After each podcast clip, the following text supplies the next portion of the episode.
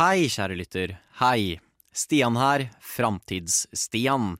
Eh, dette er et nytt format at jeg plutselig dukker opp før eh, du begynner å høre. Hei, kjære lytter.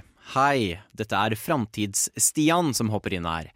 Eh, tragedien inntraff rett etter jeg og Sofia hadde hatt vår to timers lange retromesse-spesialsending her på Nova. Eh, alt gikk ut på lufta slik det skulle, men skrekk og gru Alt ble ikke lagra, dessverre. Nå, hva betyr dette?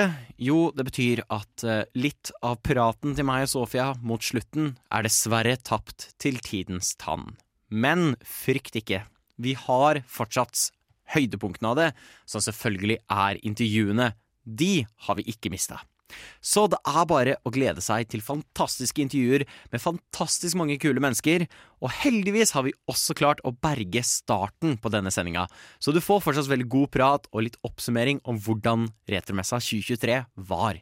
Så er det egentlig bare for meg, eh, Framtidsstian, å trekke meg litt tilbake og la deg lytter kose deg masse med denne spesialsendingen. Mm, kremtopper. Snort, snop og spill på Radio Nova. morgen. Det er en deilig lørdag, klokka er 11. Og dette er ikke en oddetallsuke, er det det, Sofie? Nei, jeg tror ikke det. Og ikke er det bare oss, vi har også med en ekstra i studio. Hei, hei. Ja, vi har erstattet Sander i dag med teknisk sjef her på huset, Elisabeth. Yippie. Og selvfølgelig friend of the show. For dette er en spesialsending. Ja, Vi skal da ta en dypdykk inn i vår tur til Sandefjord, som vi hintet til eh, forrige sending, for vi har vært på vi har nemlig vært på retromessa. Ja da! Som vi hintet om i forrige sending, så dette er det. Så den spesialsendingen vi snakket om der. Absolutt. Det er bare å glede seg. Vi har en fullpakka sending med intervjuer. Både kunstnere, vi har samlere, vi har selgere. Og vi har også legendariske spillskapere, og ikke minst Vi har stemmeskuespillere for visse spill. Eh, og egentlig veldig veldig mange kule folk, og masse eh, kult å høre på fra oss. bare, bare å glede seg. Og selvfølgelig et snå snop. Yes.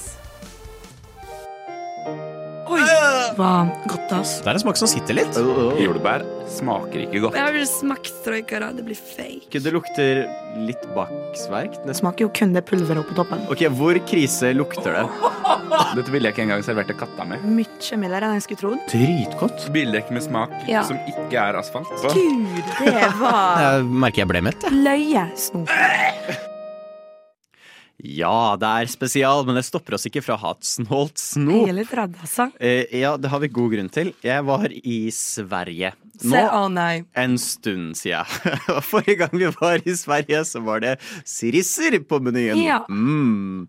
Men ikke denne gang. Jeg har tatt med noe som kanskje er godt. Eh, jeg tar det med inn i min barndom. Eh, vi pleide å gå opp fra ungdomsskolen, eh, innom butikken, og der kjøpte vi fra Loc Loco, eller Loco Loco, trolleyburger, hvis noen kjenner til det. Ja da. Denne vingummiburgeren. Du ser forvirra ut, Sofie. Nei, jeg vet hva du snakker om, Ja. men jeg var også den kiden som aldri likte det. Ti kroner på Prix. Mm, så mye koste oss. Og så ser jeg uh, Loco Loco Candy Sushi. I Oh den mest God. stereotypiske Japan-fonten noensinne, må jeg legge til. Dette ser giftig ut på den beste måten. Eh, så Men det jeg, ser legit ut som et sushibrett. de gjør det. Sånn som du får på Rema 1000, liksom. De gjør det. Det er, de er mektig god presentasjon. Det skal de ha. Veldig mye utvalg av forskjellige sushityper også. Det lukter så vingummi, ja. Det var akkurat det jeg var litt forberedt på. Eh, så jeg har gitt dere alle hver deres sett med spisepinner. Eh, noe av dette sitter fast i topplokket. Da kan jeg ta de. det er Oh godt tegn. Eh, så Sånn ja, jeg tar meg et par biter. Eh, så får dere gjøre det også. Det er fire stykk av hver ting. Eller noe har ikke fire stykk. Så det kan vi jo dele broderlig etter eventuelt. Eh, så ja, vi har altså Det er, hva skal man si, vingummi, som er på en måte fisken. Nå dunker jeg borti alt inni ting her. Vi har sånn derre ah, Sånn lakrisgutta Oh lakris, eh, på en måte. Som er uh, oh, fisken. Vi har noe skumgreier som er risen. Er det marshmallows? Det ser ut som marshmallows. Jeg håper det er marshmallows. for å åpne Nei, Ja. ikke. Oh, den var god lyd. Ja da! OK, hvordan gjør man dette her? Oh my god, ok, man må ta en sånn, Men de sitter godt fast, ja. ta en sånn fisk. Ja. Prøv meg på maki roll, jeg, da. Ja, det funker. Det er godis. Det jeg er mer skeptisk på, er den reka, som bare er en reke. Hvor Ja. er reka? Å, ja, der. Mhm. Det ser litt ut som en sånn liten bil fra bil her. Det gjør dette egentlig. Det var faktisk veldig godt. Veldig sukker. Tok du en sånn lakristing? Jeg tok den derre som er en sånn sur eple med sånn masse små biter inni. Jeg vet ikke hvordan jeg skal beskrive det engang. Ja, ja, ja. Jeg tok alt av en lakk for deg. Det sitter fast i lokket. Det Sånn. sitter fast i alt. Sånn, vær så god. Jeg føler vi har en sånn hyggelig middag nå. Vi passerer Ja. rundt brettet. Jeg, prøv, Hvilken, hvilken prøvde du? jeg Den, prøvde eh, surt eple med så grei som makirull. OK, let's try that one. Prøve en uh, reke. Reka var mye mykere enn jeg trodde. Og så er det veldig godt. Det er godis. Prøvde dere den der eh, som, ser som skal være ingefær? Nei, Som bare er liksom tråder med Det er bare sånn snøre. Ja. Det var veldig vanskelig å få ut av boksen. Altså, dette var veldig godt. Prøv meg på nigiri. Mangler jo soyasausen, da. Eh, Jeg vurderte på pur faenskap å ta med soyasaus. Jeg tror det er meningen at det skal være noe sånn chiligreier her.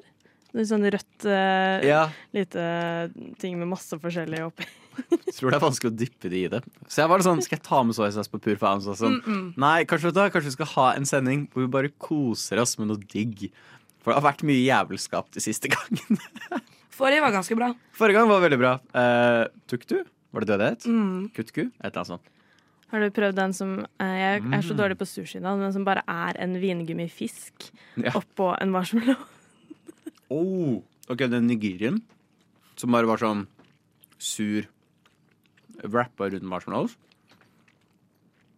Ok, for Det som er kult med dette, er at det gir meg nye komboer med godis. Ja. Hva er dette i seg selv? Er ikke så særlig spesielt, for det er bare godteri du finner i butikken. ja. Men må si noe av dette er gode komboer. Mm. Det er mektig på neppet. Oi, marshmallows. Jeg er veldig usikker på egentlig Snålt snop og spill dekker Retromessa seig- 2023. Ja. Veldig rart å spise. Skal vi se, jeg prøver meg på den derre du prøvde på, jeg, da. Men det som er helt sånn fucket med hjernen min, er at når Stian sier alle disse sushinavnene, Mm. og jeg tenker at dette er sushi, så begynner min å liksom leite etter sushismaken når jeg Mm. putter det i munnen min. Altså, Og jeg skal prøve meg på samme som dere. Dette var ikke en dum måte. Den Elisabeth tar nå, den syns jeg har vært best så langt. Vanskeligst å spise, men best så langt. Oi, det var jo en marshmallow. Dønn. Altså, jeg syns ikke det her var altfor dårlig. Dette har funka veldig bra. Det er sukker nedover haka, for det var veldig vanskelig å spise. den. Ja. Det er veldig sukkerbombe. Det er det. Vanlig. Oi. Aha. Jeg tror ikke jeg kommer til å bytte ut vanlig sushi med dette. Nei. Men to be honest, jeg tror hvis du skal liksom ha litt sånn snacks Jeg kan se for meg du setter på en film, du vil ha snacksbrett. Helt ærlig, dette med et par spisebiter ja. Jeg tenkte som hvis du har en sushikveld, og så er det så bare sånn, jeg serverer litt fin sushi, og så er det noen som puller opp bare sånn, jeg har med dessert, og så har de med brett med Men jeg tenkte på Liksom. det at på på en eller annen sånn fest et eller annet sånt tema, så kunne man jo gjort dette. Ja. Å ja, sånn temafest, ja. Ja, ja, ja. Det er genialt. Nei, men helt ærlig, jeg kunne sett for meg sitte og spist det her til en film. Bare hatt altså, bredt liggende. Ikke så dumt. Uh, og vi skal rate hvor dumt eller hvor bra dette er på vår uh, patenterte og vitenskapelige tierlist. Yep. Så det er bare å se fram til det mot slutten av sendinga. Men først skal vi kose oss med masse godt innhold fra Retromessa.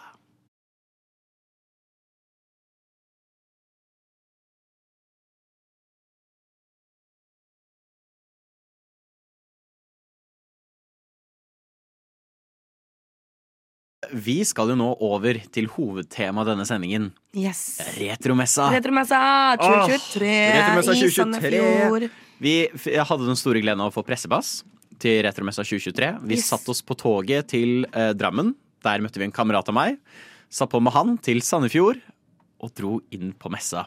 Og jeg må jo spørre, eh, for jeg har vært på messa før. Jeg har vært på den to ganger før. Du har aldri vært på den, Sofie. Jeg har aldri vært på retromessa, men jeg har altså aldri vært på noe som helst messe ever. Oi, OK! Eh, så forventningene var veldig eh, Altså, jeg, jeg vet ikke hva jeg skal si. De var liksom Jeg, jeg forventet ingenting, Nei. men samtidig forventet jeg alt mulig. Ja, for hva så du for deg? Um, Eh, jeg så for meg sånn Når man var litt yngre og fikk med seg sånn Comic-Con og sånne greier, så ser du masse boder og folk som kler seg ut, og bare masse forskjellige folk. Men her var det liksom Alt skal handle om spill.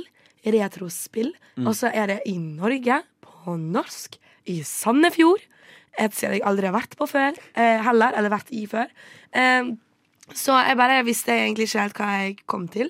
Og spesielt når man også skal være presse på et sånt sted som du aldri har vært på før, eller vet ingenting om. Da er det også sånn Oi, shit, hva gjør man nå? Og selvfølgelig er det jo i en sånn stor eh, norsk gymsal. Yeah. Fordi hvorfor ikke? Har du vært på noe lignende, Elisabeth? Nei, det har jeg ikke. Nei? Eh, så eh, jeg har også bare inntrykk fra sånne ting jeg har sett på TV og film og sånn. Ja, Ser sant. det ut som, som, man, som det er på TV? Jeg vil si at Det ser ut som alle bilder av sånn cons ever, bare at du ser for deg en norsk gymsal rundt med de eh, eh, brune plankeveggene og Ja. et eller annet sånn basketballkorg et eller annet sted. Men det er fullt i boder, og du greier å komme deg rundt, liksom, og så er det bare fullt i folk. Og det som er gøy, er at du ser at alle er så sykt dedikerte. Det var liksom folk i alle, alle typer alder. Det var folk eh, fra sånn eh, mellomvoksne som hadde med seg ungene sine som var sånn ett år gammel, liksom, til kjempegamle mennesker og veldig unge kids, og også unge kids med foreldre som elsker dette, og det var bare sånn wow. Jeg bare så for meg alle de folkene med sånn nyfødte barn som bare wow. Du har klart deg, altså. Her står du med ungen din og er på retromessa. Vi, jeg, han kompisen min som vi tok med, han har aldri vært på dette sjæl heller. Han er hardcore Star Wars-fan, og noe av det første vi så når vi gikk inn, var en i full Sjakk 10-cosplay fra Star Wars, og hans ansikt når han så det, var bare wow! Han var liksom Ja. helt satt ut. Uh, så jeg også var veldig spent, for jeg har vært på dette to ganger før. Jeg var på det i 2017, uh, og var på det i fjor.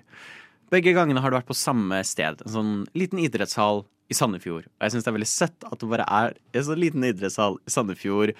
Eh, og det har vært en sånn følelse av passion som driver det. Ja. Og det er veldig kult, for det har dratt inn internasjonale gjester. Eh, John St. John var der i fjor. Som mange kanskje kjenner igjen som Duke Nukem, stemmen derfra. eh, som har blitt gått viralt på TikTok i det siste, hvor de har brukt mye klipp fra Duke Nukem. Eh, og det var sånn wow, fett at han er her, og kult at dette blir arrangert. Jeg visste ikke at de hadde fått nytt område denne gangen. Og det var jo blitt nesten dobbelt så stort, føles det ut som. Oi. Det var jo blitt svært. Vi kjørte til stedet. Jeg visste jo ikke at det var nytt sted. Så når vi plutselig kom dit, så var jeg jo helt satt og bare Hæ? Her er, dette er jo feil sted. Eh, vi slet jo med å finne parkering. Uh, vi har jo på en måte terrorisert en liten park yep. i Sandefjord. Um, det var jo litt nydelig, eh, hvor vi da kommer kjørende, kjører inn i en enveiskjørt parkeringsplass. Eh, der står det to biler foran oss, og jeg er sånn Wow, shit, hva gjør vi nå? Skal akkurat til rygge, og da kommer det fem biler til bak oss. Og jeg er sånn Å vel, hva gjør vi nå? Eh, og så ser vi bare den forreste bilen kjøre. Og så er det sånn, å ja, ok, det var en vei her, og så var det en grusvei, så vi kjørte på den grusveien, og det var vel idet vi passerte forbi en barnelekeplass full av barn, at vi litt innså ja, vent, vi skal ikke være her. Eh, Jepp, vi kjørte på en sånn helt vanlig sti for mennesker i en helt vanlig park. Ja, der biler egentlig ikke skal kjøre inn på. Og selvfølgelig så er det jo ingen connection til bilveien fra den parken, for vi kom endelig frem til en parkeringsplass. Så vi bare kjører tvers over eh, plenen. Og vil... Og, forbi sånne steiner som er satt opp for at biler ikke skal kjøre forbi. Vi, får bilen midt imellom to sånne. Og det er jo ikke bare oss. Det er som sagt Vi er sju biler etter hverandre som gjør dette. jeg, jeg vil at dere der ute ser for dere å sitte og ha en piknik i Frognerparken, og så kommer det en bilkonvoi på sånn åtte biler! Bare valsende gjennom parken. Yes. Og det var et nydelig øyeblikk idet vi da gjorde en liten sånn GTA-snarvei for å komme oss tilbake på veien. Hvor da den forreste bilen på en måte spant rundt, så de så hva slags kaos de hadde skapt. Og blikket til hun som satt i liksom passasjersetet. Det var så nydelig. Hun bare brøt ut i latter. Og så var det sånn deilig øyeblikk når vi sto der alle sammen og var sånn Vi deler den boten, ikke sant? Ja. Vi deler den boten. Så allerede der syns jeg det er et sånn godt eksempel på retromessa. Yes. Eh, det er et sånn umiddelbart fellesskap. Eh, Ja, og jeg synes at også at hvis man eksempel føler seg at Oi, jeg kjenner jo ikke til så mye retrospill. Jeg ikke, jeg kjenner ikke til alt mulig spill. Jeg, jeg liker jo å spille, men jeg spiller kun det samme hver dag. Sånn, eh, for jeg følte litt på den.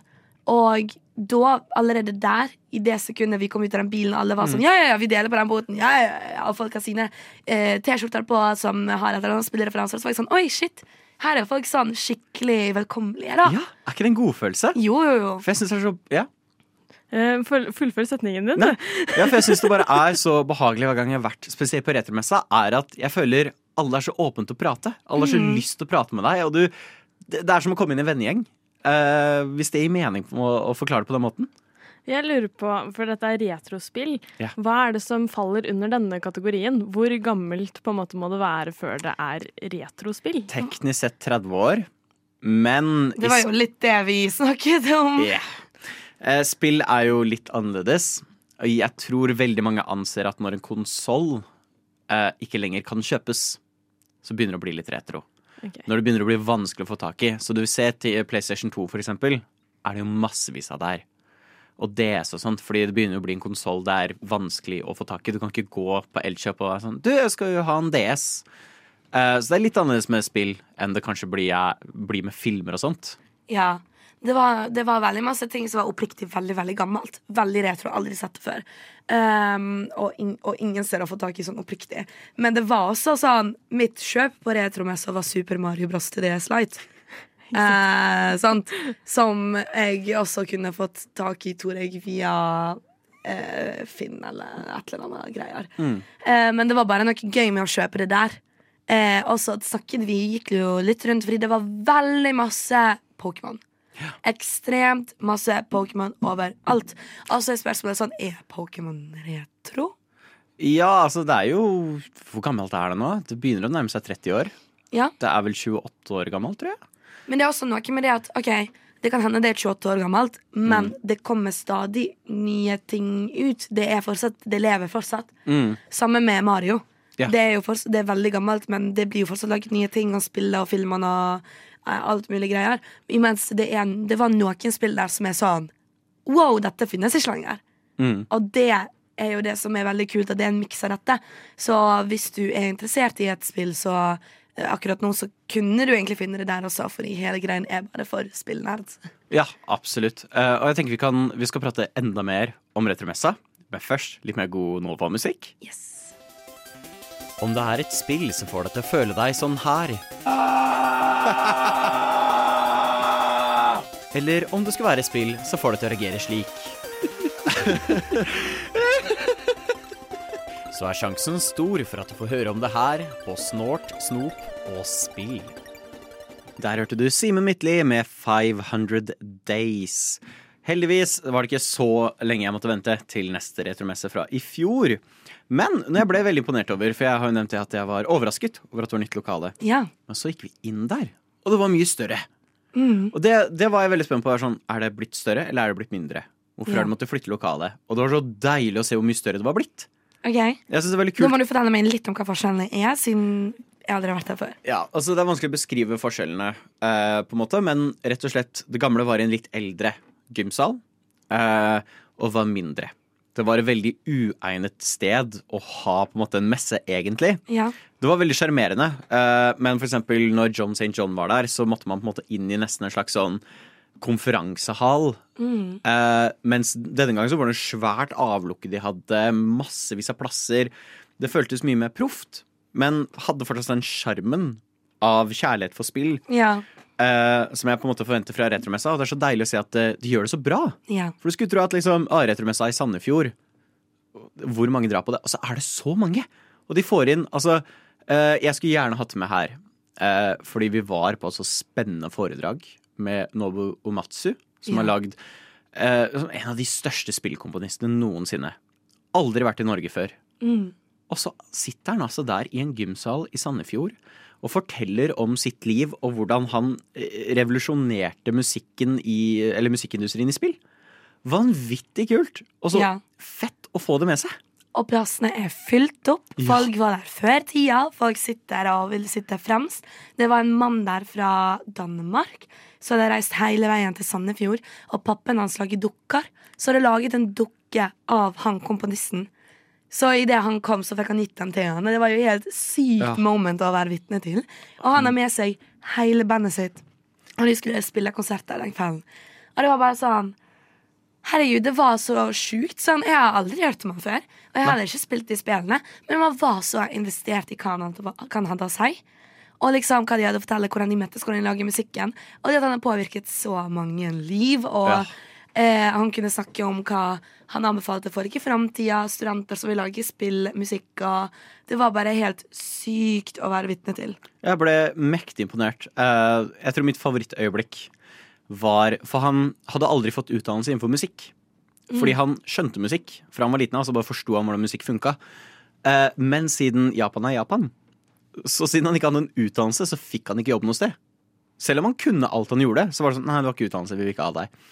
Så han endte med da å få jobb på Square Enix, fordi de var det eneste som ville ta han imot. Da spillselskapet. Eller Square, da, som de het.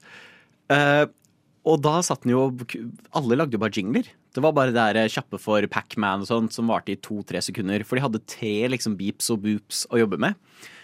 Uh, og det var jo så nydelig øyeblikk hvor de spør han hvorfor valgte du å plutselig lage symfonier ut av disse tre beepsene og boopsene, som var liksom sett på som umulig.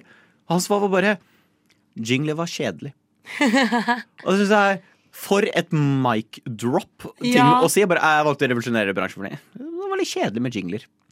Altså, det var fenomenalt. Eh, vi tok opptak av det, men det, siden han ikke kan engelsk, så var det en oversetter eh, som var der også, så det hele er veldig vanskelig å få edita ned. Men dra til Retromessa neste år, og så få med deg sånne spennende paneler. For det er utrolig kult. Det var sjukt kult. Så for de som lurer, så har han jo da lagd musikk til Final Fantasy, blant annet. Kanskje det han er mest kjent for. Ja. Og et av mine favorittspillesoundtrack til Fantasy Life. Så jeg var veldig starstruck. Altså, mitt altså favorittmoment fra det på det hele var at han hadde tatt med seg eh, Han her komponisten hadde tatt med seg hele bandet sitt, som sagt, som skulle spille med på kvelden.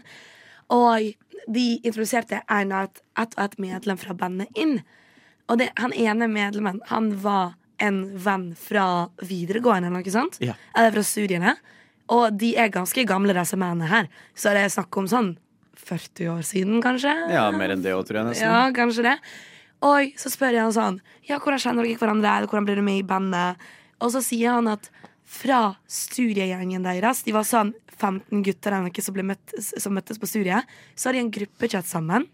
Og til den dag i dag, sånn 50 år etter, så er den gruppechatten fortsatt aktiv med de 15 mennene. og måten den er aktiv på, er at de hver dag sender hverandre god morgen.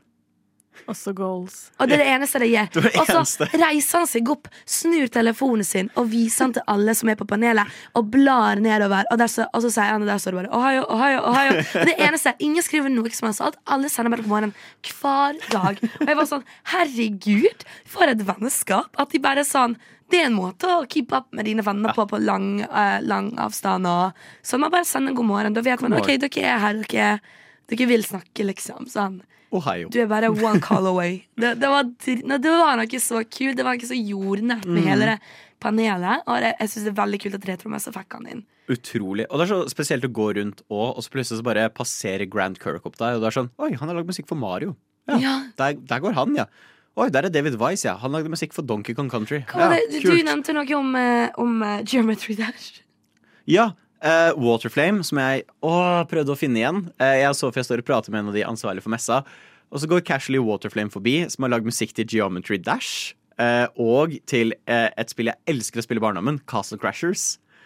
Og han bare, han bare gikk forbi og var sånn Det er Waterflame, det er Waterflame. Uh, fikk ikke score han til intervju, men jeg har et håp om å kanskje få invitert han hit, for han er norsk. Yes.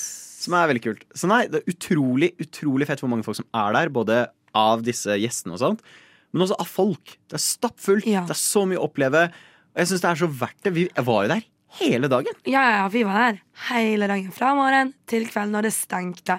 Og ærlig så skulle jeg ikke Jeg forventet ikke at dere kom til å se noen i sånn cosplays og sånn, men det var det òg. Og jeg syns det er så kult. Jeg elsker at eh, vi har noe sånt i Norge. At det ikke bare er kun i Amerika. Og det er bare å glede seg. Vi sitter jo på en del videoer. Yes. Så sakte, men sikkert følg med på våre sosiale mediekanaler, så kommer det til å dukke opp videoer.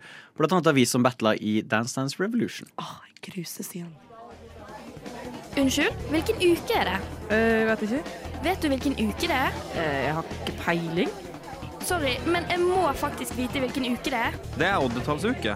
Shit, da må jeg jo høre på Snålt snop på spill annenhver lørdag alle oddetallsuker fra 11 til 1 på Radio Nova. Vi fikk jo æren og gleden av å prate med en god del folk eh, under retromessa. Eh, mye forskjellig som kommer til å dukke opp. Yep. Men noe av det som står overalt rundt på denne messa, er gamle, eldgamle spill. Ja. Eh, vi har jo spilt på spillmaskiner som går tilbake til 80-tallet. Mhm. eh, som var dritfett. Eh, vi spilte fighting game. ja. Eh, Duck Hunter. Åh, jeg elsker Duck Hunt. Eh, det er mitt skjulte talent. Det, det var helt sykt. Ok, Det må jeg bare si. Det er en sånn TV eh, som er sånn gammel. Og så skal du liksom Er det en sånn pistol, oppriktig en sånn geværgreie, liten plastikkgreie, som er koblet til TV-en. Og så kan du bare skyte på TV-en, så reagerer TV-en på hvor du skyter. Og jeg vet at det har noe med hvordan skjermen er bygget og alt mulig, men jeg var helt sånn Dette er jo helt ny teknologi, men det er jo ikke det. Det er jo fra 80 år siden. Yeah. Så jeg vet sånn, hvordan fungerer dette? Dette er jo ikke eh, PS eh, eller PlayStation med de der wandsene sine, eller Xbox med whatever.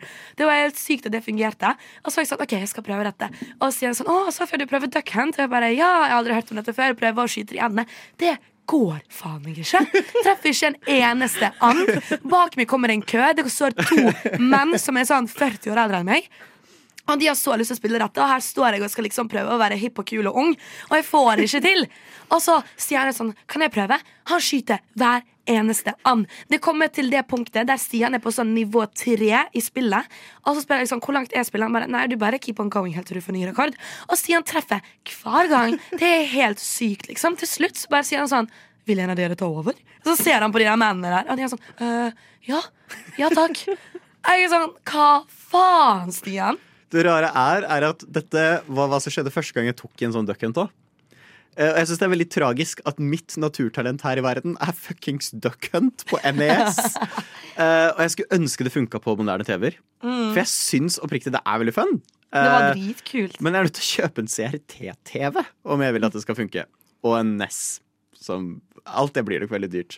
Ja. Eh, så det er gøy med alle disse displayene. Har du prøvd duck hunt, Elisabeth? Nei, det har jeg ikke. Men tenk du kunne fått en ny rekord, og så bare ga du bort den sjansen. Ja, men det er, det er sånn det går hver gang. Du- du- Og så er det sånn OK, nå har det gått for lenge. Og så begynner jeg å gjøre trickshots fordi jeg er sånn jeg Han bare flekset og var sånn Ja, jeg trenger ikke dette her i livet. Bare snur seg rundt og tar liksom bak hodet, bak ryggen. Bare sånn oh. Du vet hvordan Hawkeye har den der sykdommen canonically som gjør at han aldri kan bomme når han skyter? Ja. Ja, det er meg, bare enda mer ræva. Bare i duck hunt. Bare i Duck Hunt. som Eh, så superhelt er jeg. Duck eye. Duck Det er meg. Eh, Så det var mye fett sånn som ble stilt ut. Og vi hadde gleden av å prate med en av de som stilte ut, nemlig Christian Langland. Yes. Jeg står nå omringet av en haug av retrospill, og jeg skjønner det er du som eier en god del av de? En del av de, ja. Eh, hvis du filmer rundt, så kan du se her. Eh, jeg eier fra hjørnet der borte og bort her, og så noen maskiner her som står ved siden av oss her òg. Så det er litt mitt og litt andre sitt. Har lyst til å fortelle hvem du er, og hvorfor du har begynt å samle på retrospill? Jeg har vel egentlig aldri sluttet. Det var ikke retro når jeg begynte. Eh, jeg heter Kristian Langeland. Eh, har holdt på med datamaskiner siden dette var det nye. Eh, Første datamaskinen var en Commodore 64. Gikk vi da videre til Amiga 500, 1200, den veien der før jeg kom inn på PC. Det tok lang tid før jeg begynte med PC, for å si det sånn. Eh, og har egentlig alltid syntes det var kjekt. Eh, og har Jeg har ikke maskinen jeg hadde da jeg var barn lenger. Men jeg har kjøpt det igjen fordi jeg kom på det at jeg savnet det. Altså, de er jo, Det er utrolig kult å ha så gamle maskiner som fortsatt fungerer i så god stand. Hvordan er det å ta vare på de? Uh, de fleste datamaskiner pleier å, gå, pleier å gå greit med. Det er ikke mye vedlikehold på de. Men eh, noen produsenter produserte så billig som mulig. Og dette er jo da utstyr som begynner å bli 30-40 år gammelt. Og da må du bytte ut komponenter i de. Noen av oss leverer det inn til folk, og andre reparerer det sjøl. Jeg er en av de som reparerer noe sjøl, og sender noe inn for reparasjon og sånt. Hvis, hvis det blir for gærent, så må jeg sende det inn. Hva er vanlige problemer som kan oppstå med disse maskinene? Eh, kondensatorer tørker ut. Eh, det er det vanligste problemet. Eh, noen maskiner har batteri inni seg. Etter 25 år så begynner det da å lekke og ødelegge hovedkortet ditt. Så det, det er det som er de to store tingene, da. Eh, men stort sett er det ganske enkle ting å løse. Det er masse kanaler på YouTube som forklarer deg hvordan du skal løse dette. Eh, så hvis du ikke kan noe om det, så søk på YouTube, så finner du det. Eh, og se mer enn én video om det. For det, det er ikke bare å trykke Altså å ta frem en loddebolt og håpe på det går bra. Det, Hva er det eldste du har her, og hvor gammel tror du det er? Eldste jeg har, er um, Nå spør du veldig godt. Eh, jeg tror det blir Commodore 64. Eh, jeg har mye fra akkurat den æraen. Eh, jeg har um, en CPC som står der borte, jeg kom ut ca. samtidig. Vi har noe pluss fire, en BBC Micro, som var maskinen som var skoleverket i England. Brukte den. Gikk du på skole i England på 80-tallet, så hadde du en BBC Micro på skolen. Dessverre virker den ikke helt, men sånn er det. Eh, det skal, jeg får ikke ordnet den her, da, men eh, det blir ordnet når jeg kommer tilbake igjen hjem. Hva tror du er det mest obskure du har av alle disse maskinene? mest obskure eh, som vi har her, eh, blir eh, den første billige eh, PC-en. Eh, det er den som står her borte. Den krasjet akkurat, så den er dessverre avslått akkurat nå. Eh, men det er da den første Det er ikke min, det er noe vi bare tar fra hukommelsen. Eh, det er den første PC-en som var IBM-kompatibel under 1000 dollar. Og han er IBM-kompatibel, dvs. Si, spill kan du blåse i. Men du, du, du, kan, du kan kjøre tekstbehandling, du kan jobbe på den. Men 1000 dollar var liksom en sånn smertegrense for veldig mange. Eh, Jeg vet dessverre ikke når den kom, da, men det er den, det er den første som ikke het IBM. Og var under 1000 dollar. Og det er da en Sharp. Han syns en videospiller, det er jo litt spennende. Så, så får, Det er den som står der borte. Jeg vil stå på et bilde av den. Og så er det jo, altså Du stiller jo ut eh, så alle kan prøve. Hva er det som eh, gir deg lyst til å på en måte gjøre det? Det er jo kjøremaskiner som settes ut for offentligheten. Ja. Eh, folk er snille med maskiner. Eh, selvfølgelig noen barn går bort og så slår de, men da kommer mamma og pappa veldig fort til. eh, for mamma og pappa er veldig redd for å måtte betale for ting. eh, barn er veldig nysgjerrig. Vi har hatt flere barn som er borte og trykker enn voksne. Ja, det er ganske kjekt å se. Og Det er også derfor vi har litt spill som er barnevennlige og fenger litt. Eller, og vi har òg spill som voksne har gjenkjennelsesfaktor til. Så at dette spilte jeg da jeg var liten. Så vi tar de mest kjente tingene og, stiller, og viser frem på skjermene. Men hvis folk sier 'Å, har du det spillet?' Ja, så klarer vi stort sett å vise det til de òg.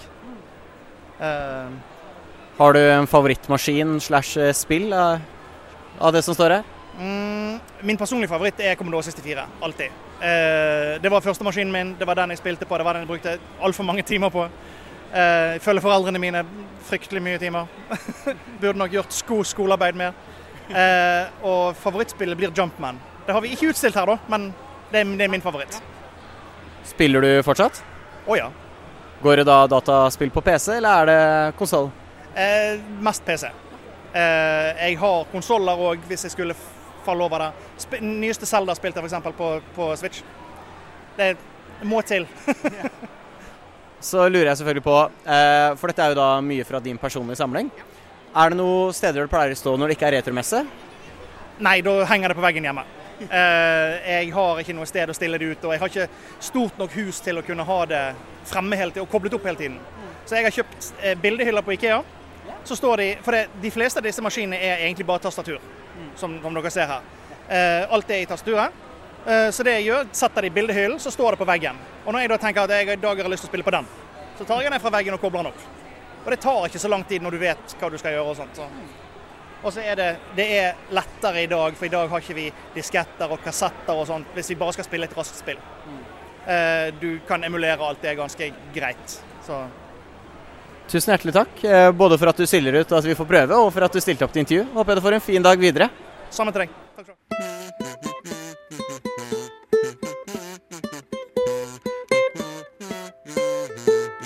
Snålt snop og spill. Ja, der hørte du Dracosha Creations prate om hvordan det er å lage kunst basert på retrospill. Men det er jo det, men det er også det å selge retrospill. Vi har jo allerede hørt om en retrosamler, men jeg lurte på hvordan det er å samle på og så selge disse retrospillene. Hvordan kommer man inn i det? Hvordan er det man finner ut av prisene på disse tingene? Jo, heldigvis for meg kunne Retro World svare på akkurat dette. Og der tok jeg prata med Levi Johannessen, og dette er hva du skal få høre nå. Har du lyst til å fortelle litt om eh, deg sjæl. Hvem er du, og hva er det du driver med her på messa? Ja, Mitt navn er Levi Johannessen. Vi har kjørt hit fra Bergen, meg og to kompiser som driver eh, ja, denne butikken sammen. Så det er, Vi heter Retro World. Så vi har startet med å Ja, egentlig vår hobby, da. Så kjøp og salg av spill. Så det begynte lite private, til vårt kjøp inn til vår egen private samling. Og så på sikt så ja, vokste det seg for stort. At vi var nødt til å ja, tenke litt større. Så da hadde vi lyst til å gjøre hobbyen om til en bedrift. da. Så vi startet nå for bare ja, rundt to år siden med å kjøpe og selge spill i litt større skala. da. Så nå har det vokst såpass mye. Vi har vært på en del messer. Og så har vi nettbutikk, retroworld.no. Og eh, nå har vi kommet dit at vi åpner egen fysisk butikk i Bergen. Hvordan er det dere får tak i, for det er jo masse masse spill her. Hvor er det man begynner å lete etter dette? Ja, et godt sted for en nybegynner er finn.no. Folk som rydder på loftet, selger unna. Kanskje gjerne ja, de skal selge unna alt de har på loftet, så kan man gjøre en god deal. Så det er mange som utnytter den muligheten da, til å kjøpe disse ja, pakkesamlingene da, og deler det opp og så selger det individuelt på Finn. Så det er sånn det har begynt for oss. Og så når man er i litt større skala sånn som vi er, da må man tenke litt større. Og da må man, ja, du oppretter deg kontakter underveis, folk som kanskje har større samlinger, som kanskje ønsker å ja, kvitte seg med hele samlinger. Da. Og da kan det være kjøp alt fra 50 til eh, 500 000 for eh, folk som selge under store samlinger. Så er vi klare til å ja, kunne gjøre det, der, som ikke så mange andre er. Det er ikke bare spill du har her, du har jo massevis av små duppeditter. Jeg husker mye av det her fra min barndom, annet Pokémon Chips husker jeg samla på. Hvor er det du får tak i sånt? Nei, altså Sånn som det begynte, det at for oss så begynte det med spill. Men så har vi vært på en del eh, Vi har vært på Spillekspo, både i Oslo og i Stavanger. Og Da så vi at markedet var litt annerledes, så da ut, eh, utvidet vi litt til kort, så vi så solgte veldig bra der. Og også Funko Pop og Amibo. Eh, og måten vi får tak i disse det er egentlig samme at vi, vi kjøper egentlig større parti på eBay, eller også hos private i, i Bergen og i, i Norge, da, som skal selge unna. Og det er jo Altså, dette er jo ting som har vært solgt for lenge, lenge siden. Hvordan er det man finner fram til prising og sånt eh, på slike retrospill og retro alt mulig? Det er, kan være egentlig veldig enkelt, for det finnes eh, databaser. Et, st et stort marked i verden er jo i USA, og da har du eBay. Og de har jo historikk, der man kan søke opp og se hva historiske priser har vært på ting. Og det blir gjerne oppsummert i en egen side som heter pricecharting.com. Og da kan du finne verdier. Altså, det er nesten som en børs. Kurs, altså, det, går- opp og ned eh, og svinger veldig på priser. Og da kan man se og, altså, Noen spill koster jo mye mer enn andre. Det har litt med ja, hvor mange som er i sirkulasjon. og Noen er jo veldig sjeldne utgaver, og da går gjerne de for litt mer. Hvordan er dette markedet i Norge? Er det like stor etterspørsel her også? Markedet er litt annerledes. F.eks. Det, eh, en del av Nintendo har skandinaviske utgaver. Og da kan gjerne priser gå en del høyere i Norge og i Sverige og i Danmark enn f.eks. typisk i USA. Men vi merker at markedet er generelt veldig godt for retrospill, og at det er en økende interesse for det i Norge. Du går mye spill unna når du står her på retromessa. Det er veldig hektisk. Det var så gøy. Tusen hjertelig takk. Så får han en fin dag videre. I like måte. Takk skal du ha. Jeg står her nå med tidligere president av Nintendo i Amerika, nemlig Reggie. Nå, Reggie, er du klar for eh, Snort, snop og spill her på Radio Nova? My body is ready. Det er eh, sjeldent, kjære lytter, sjeldent at jeg blir starstruck. Eh, kall det en yrkesskade, men jeg blir veldig sjeldent starstruck. Men som jeg måtte finne fram motet når jeg valgte å stelle meg i den lange køen for å møte legendarisk spillskaper Chris Marlowe. Hvem er Chris Marlowe? Jo, Chris Marlowe er mangt. Ikke bare er han en person som har jobbet med Rare, et av de mest legendariske og innflytelsesrike spillstudioene noensinne siden 90-tallet. Han har også stemmen til eh, bossen The Great Mighty Poo fra Conquers Bad Fur Day.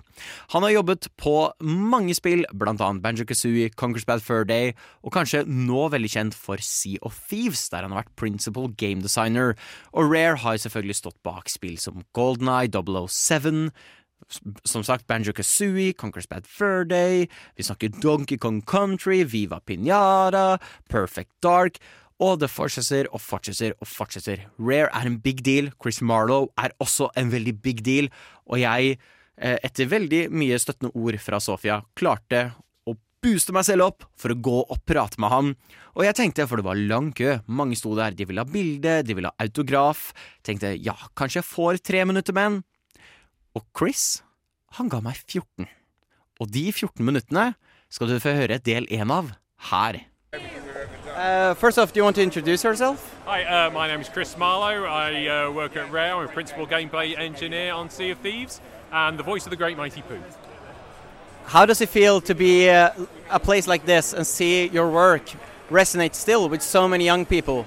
It's fantastic. It's like it's been like 20. Well, I've been at Rare for 27 years, and to think that stuff that we've worked on all those years ago have resonated with you know not just people who were around at the time, like youngsters now coming in saying like you know your stuff, I still love you. I literally just had someone say, oh yeah, the Great Mighty Pooh's like our, our drinking game where you know it's drinking song where we all get drink, where we break out the Great Mighty Pooh song. It's amazing to have that sort of cultural uh, resonance. And I'm lucky enough to have worked on something that was, you know, that's considered um, quite that people find quite passionately uh, about. Uh, from 20 years ago, and also be working on a game like Sea of Thieves, which is very, very relevant right now. You know, it's 30 million players worldwide, biggest Xbox you know, IP for you know Xbox independent IP. Um, so it's, yeah, it's fantastic. It's great. We just love meeting people, right? And it's just like meeting people who are fans. You know, whether old or young, from games from the past, games to the present. It's just been really lovely. So we, we love coming to events like this. So you get to meet people because you certainly back on the N64 sort of days, you didn't meet people. You, you, you, you made your game, you fired it out. If you're lucky, a couple of months later, you get a magazine that gives it 7 out of 10, and that's it. You're like, well, great, okay, well, whatever. And uh, you just don't know, you don't meet the people who play your games and it's events like this that allow people to not only talk to you about the games that you're currently now, but you know, but games game as a service like Sea of Thieves, you you get that feedback a lot now, and it's a weird thing to get used to, but now we're kind of quite used to it. Then you look back at games before we had no idea whether people liked them, or you know, you, you had a few sales figures and you had a few reviews, and that's it. But now, so that's what's great about an event like this you're retroactively getting all that kind of feedback again, and you're finding that you've had an effect on people's lives, and it's a lovely thing. You worked on Sea of Thieves, as you mentioned. How do you find uh, the work culture and how you make games? Has it changed during all these years? Oh yes, so much, so much so. It's much better now. it was crazy. It was like it, back in the day, like in the 90s, when we were first doing it, it, it was more like like a family and everyone. It was a really small team, but we did hours, like 90 plus hours for an entire for years on on end. You know, we do very long periods, very very long hours, sleeping over at the office, staying late, working Saturday, Sunday to get to get games out. Stuff we wouldn't put up with now, but um, but it was just because we were super passionate about getting the games out. So I wouldn't recommend that anymore, and it's a much better. But it did like forge us in steel for getting games out now. So it's uh, yeah, so much much better work culture now, definitely. A lot of your games are considered very groundbreaking. Uh, many people would point to Rare as one of like biggest things uh, in the 90s with video games. Uh, how was it to work on these games? How did like the ideas come forward uh, with ba- with Banjo Kazooie, Conquer? How did all of this happen? Well, a lot of it was driven from Chris and Tim Stamper, the owners of the company. They always drove it forward as lots of little mini companies that were competing against each other. So we were always in kind of this aggressive competition against each other to get the best games out to push us, because that's what they thought. You know, if you have lots of little companies, they're all and no one can share each other, and it's all secret, because they didn't want to have five games that were basically the same game and felt the same and played similar and that sort of stuff. They wanted completely independent games, and that's what they got. They got a very. It was a very um, rather cutthroat sort of culture of just trying to one-upmanship and always trying to be better than the other people. You know, once again, nowadays probably is not the best way to do it because you lose a lot of that cooperation. But it did lead to a huge amount of innovation and very different games coming out, and they weren't afraid to push.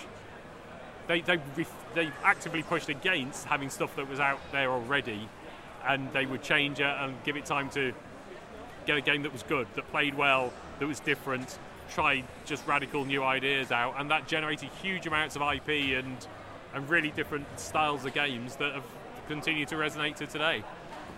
Så uansett, poenget mitt her er at du må spille Prey. Du vet, jeg 2017. Om, eh, kanskje verdens Spill beste Prey! spill. Nesten verdens beste spill spill, i hvert fall. Spill! Prey! Spill Pray folkens! Spill Prey. Uh, Prey er et fenomenalt bra spill. Prey er the shit.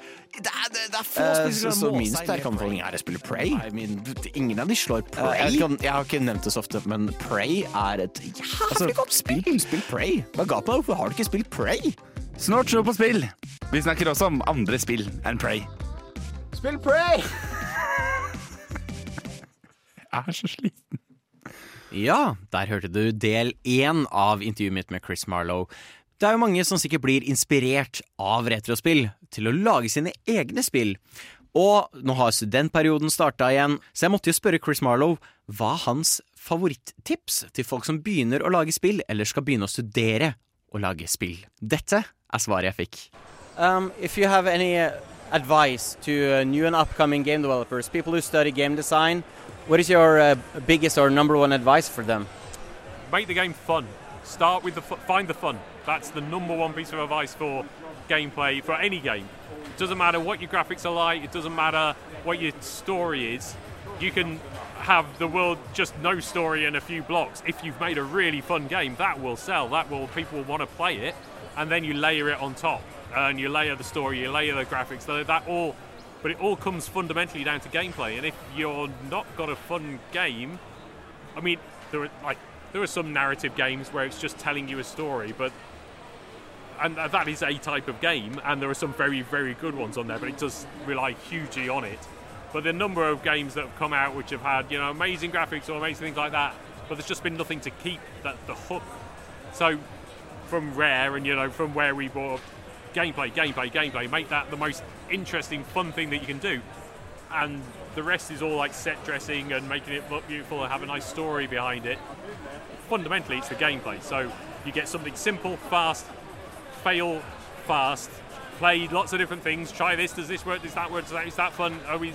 Are, are you playing it? And then, like a month later, do you still want to play your own game? Because if you don't want to play your own game, no one else is going to be playing your own game. So you got to find it fun. You got to find the things that do it and excite you. Uh, don't copy. Just do what you feel is right. If you've got a passionate idea about something, give it a go.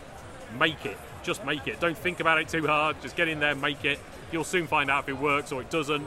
Have a, get opinions from other people and just get them to play it and just keep finesse, finesse, finesse. That's what we've done on rare games all the way out, but particularly on things like Sea of Thieves, we are constantly playing it internally in, in, before going out just to play, play, play, play, play, tweak, tweak, tweak, tweak, tweak. And especially like particularly a game like Sea of Thieves, which is such a weird game of all these various different spinning plates and different parts.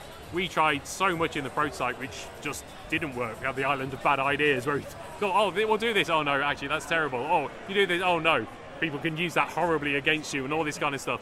And if they can, they will. And that's what we discovered. So, uh, you know, even things like we, we used to have it that when you sold your treasure, we had the idea that you know maybe when you first sell it, the captain would then divvy it up and decide how much effort you'd put in, or the first person who sells it gets the money. But what we'd find is that would just people just sabotage themselves and they just go right at the very last second shoot everybody and cash it in because it's kind of human nature. And we found, and that's when we put the oh, well we'll get everyone in the crew will get the same amount, and that instantly just overnight made it a cooperative game instead of a bunch of individual people playing it. As soon as everyone there's no benefit to me to sell it, then everybody's like, so stuff just hundreds and hundreds and hundreds of decisions like that where we've gone, oh, this feels like the right, oh, pe- people want to get hungry and then eventually get tired and then you have to like drag yourself around and you're going, sounds great till you play it and it turns out it's a terrible thing to do and everyone hated it. So you went in the island of bad ideas and uh, we and you just keep working on it. So there's loads and loads of ideas, but until you play it and you try it out and see how people react to it, your best ideas in, in your head may not translate. So, I've, sorry, I've just rambled for ages, but gameplay. get, get your gameplay right and make sure that it's uh, just get just get that fundamentally right. Of all the games you worked on, which one was your favorite? Oh, I've been asked this today, and it's really hard. It used to be really easy. It used to be Conquer, uh, uh, uh, without a doubt. It was, and still massively, I was, it was, it was a, a family team. We were forged in steel. We made a game we were incredibly proud of. Voice of the Great Mighty Pooh. You know, inc- huge, huge amounts of things. But I've now worked for nine years on Sea of Thieves. In another year, I'll have worked more than all my combined times on Conquer titles to to Sea of Thieves, and that has been just to see because we had so much feedback and see how life changing it is. It went through COVID, you know, it was a it was a COVID game, and it and it brought people together during that really hard time, uh, and allowed people to process some really heavy things. And the amount of people who said really heavy things went on in their lives that this game helped them through, and that's a huge thing. And to, to hear that come back, you know, that that's what what a responsibility and a privilege to be a part of a game that allow people to get through COVID, one of the biggest things in our, our generations. Like it was, it was incredible. So yeah, so I think I probably it's just snuck in Sea of Thieves. Thank you so much. it's very great. And you. Yeah, what, what did you say? That was very long-winded. did so, yeah. No problem. Uh, you need to be well there, and I'll go. Yes. of course, you mentioned the Mighty Pooh. How does that feel to like still be probably recognized as the voice of uh, gaming's stinkiest musical bad guy? It, amazing, right? It, it's, I it still shocks me to this day. Like some, you know, you, they'll have like Watch Mojo or do the top ten video game baddies, Uh, and Great Mike because it's so unusual, right? Uh, the only thing that's ever come close is maybe Mario Rabbids with the, the that operatic section in there.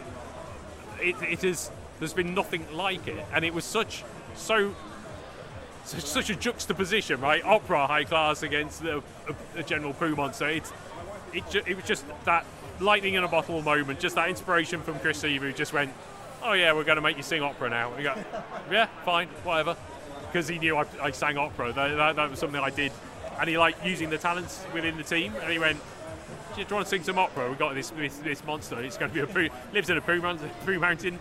And I went, yeah, yeah, that's fine, let's do it. And we little did we know that it was just another thing that we were making, but it just reson- just uh, resonated in that sort of like little zeitgeisty moment that people remember. And it's just this very memorable thing that people loved from their childhood. Shouldn't have been childhood, mature rated game, everybody. You shouldn't have been playing it when you were seven, but but lots of people did, and we are very glad about it. Yeah, yeah, yeah. How old were you? I think around like 10. 10, yeah, exactly, yes. The, the, ma- the mature rated 17 game, yeah. English, so you know. yeah, exactly, that's understandable. So, yeah. Um, so, yeah, amazing, fantastic. So, so uh, once again, a privilege, a privilege to have it. I'll probably be on my grave. Thank you so much to Chris Marlowe for that interview. Seriously, what a legend. What a legend. Å blande snålt snop og spill? Eh, det vet jeg ikke helt om kommer til å fungere. Hva tenker du, Todd Howard? All of this just works. I'm not kidding. Så må jeg male et bilde for deg, lytter. Vi går inn, og her burde Sofia vært for å fortelle historien, men du får meg, Framtidsstian, istedenfor. Vi går inn i messa, Sofia ser brått til sin venstre side, og hvem er der? Jo, ingen andre enn Viktor Sotberg og Christopher Robin Omdal. Stemmene til Mario og Luigi i den norske dubben av Super Mario-filmen. Og Sofia gikk rett inn i den køen. Og det var en lang kø. Vi snakker lang kø. Det var tonnevis av foreldre som sto der med sine barn som gleda seg til å møte sine idoler, og midt inne der så sto Sofia. Eh, Så det var veldig gøy, veldig herlig. Jeg rakk å gjøre veldig mye annet mens hun sto i den køen. Men jaggu meg skårte hun ikke bare sitt aller første intervju noensinne, men hun skårte et intervju med selve norske Mario og Luigi. Og det skal vi kose oss med her. Radio Nova her. Nei, nei, nei. Det går helt fint. Radio Nova her på eh, Retromessa 2023 i Sandefjord. Jeg står med norske Mario og Luigi. Hei, hei. Første spørsmål vi har til dere er hva er deres favoritt-Mario Kart-karakter? Mario. Ikke sant? Ikke sant? Ja, jeg Veldig bra. Dere er ganske da, med tanke på filmen. Ja, altså, jeg skal innrømme at jeg har spilt eh, mer Peach, egentlig, enn Luigi. Jeg har uh, spilt Mario hele livet. Du er det? Så han er den vanlige, kjedelige. Den vanlige kjedelige. Det er jo ingen som velger Mario. Alle er bare sånn Nei, jeg vil ikke Mario. Men det heter jo Mario Kart. Mario er jo den Det er helt sant. Ja. Du sier noe i det. Men jeg prøver å få det til å hete Luigi-kart. Så, Andre spørsmål til dere er at dere er faktisk med nå og på å introdusere Nintendo og Mario-universet for en helt ny generasjon. Hvordan føles det? Eh, helt vilt. Det, eh, jeg selv, første gang jeg så eh, Mario, eller hørte Mario sin stemme, var på norsk. Og det var Nils Vogt fra, fra Carl Co. Jeg vet ikke, det ingen husker det, men som, som er den nye generasjonen. Men uansett, det, det er jo helt vilt å skulle være den som på en måte gir Mario en ny stemme. Og ja, det er med æresfrykt. Ja, virkelig. Altså, vi har jo begge to vokst opp med Mario, og gama Mario fra liksom tidlig Nintendo av, eh, så det er en stor ære, egentlig. Så Det er passer det jo perfekt med oss to. ja, ja, ja. Som Mario og Luigi. Jeg er enig. Blodbrødre. Blodbrødre. Blodbrødre, ja. Mm. ja. Ikke Og Nei. fadderuken er jo også snart over, og dere har vært studenter sjøl, ikke sant, med både Bordar og Westerdals, er det riktig? Ja. Har dere noen tips til de nye studentene? Eh, holdt på å si ta det med ro, og det, det ordner seg. Ja, Finn en sånn perfekt kombinasjon på å fortsatt klare å ha det gøy, men fortsatt også klare å prestere på skolen. Altså, Det er jæklig vanskelig. Det er jo, Livet er jo vanskelig. Men husk å ha det gøy. Fordi hvis man tar alt altfor seriøst, så det blir for kjipt, liksom. Og så finn noe som er gøy å gjøre, Ja. eh, sånn som du gjør nå. Ja. Bare sånn, noe, noe sånn i tillegg til studiene. At liksom, man må ha en, eh, en kreativ driv. Plugg for Radio Nova. Absolutt. Ja, ja, ja. Tusen hjertelig takk. Bare hyggelig. Løye! Der har du det, kjære lytter. Det er en samling av alle de fantastiske kule folka vi fikk intervjua på Retromessa 2023. Og det var enda flere kule gjester der, så dette var bare en liten håndfull av alt som den messa hadde å by på. Jeg gleder meg masse til å dra tilbake dit neste år, og jeg håper at dere der ute også velger å dra til desidert en av de flotteste og kuleste spillmessene her i Norge. Tusen hjertelig takk til Retromessa som ga oss pressepass. Jeg virkelig, virkelig kan ikke anbefale deg der ute nok å dra på det. Og hvis du lurer på hvor sushi fra Loco Loco havner på vår patenterte og vitenskapelige tierlist, så er det da på en solid B-rank.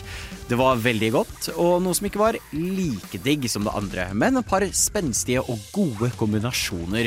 Og det var såpass mettende at jeg lett kan finne fram dette når jeg skal se en film eller ha en hyggekveld med noen venner.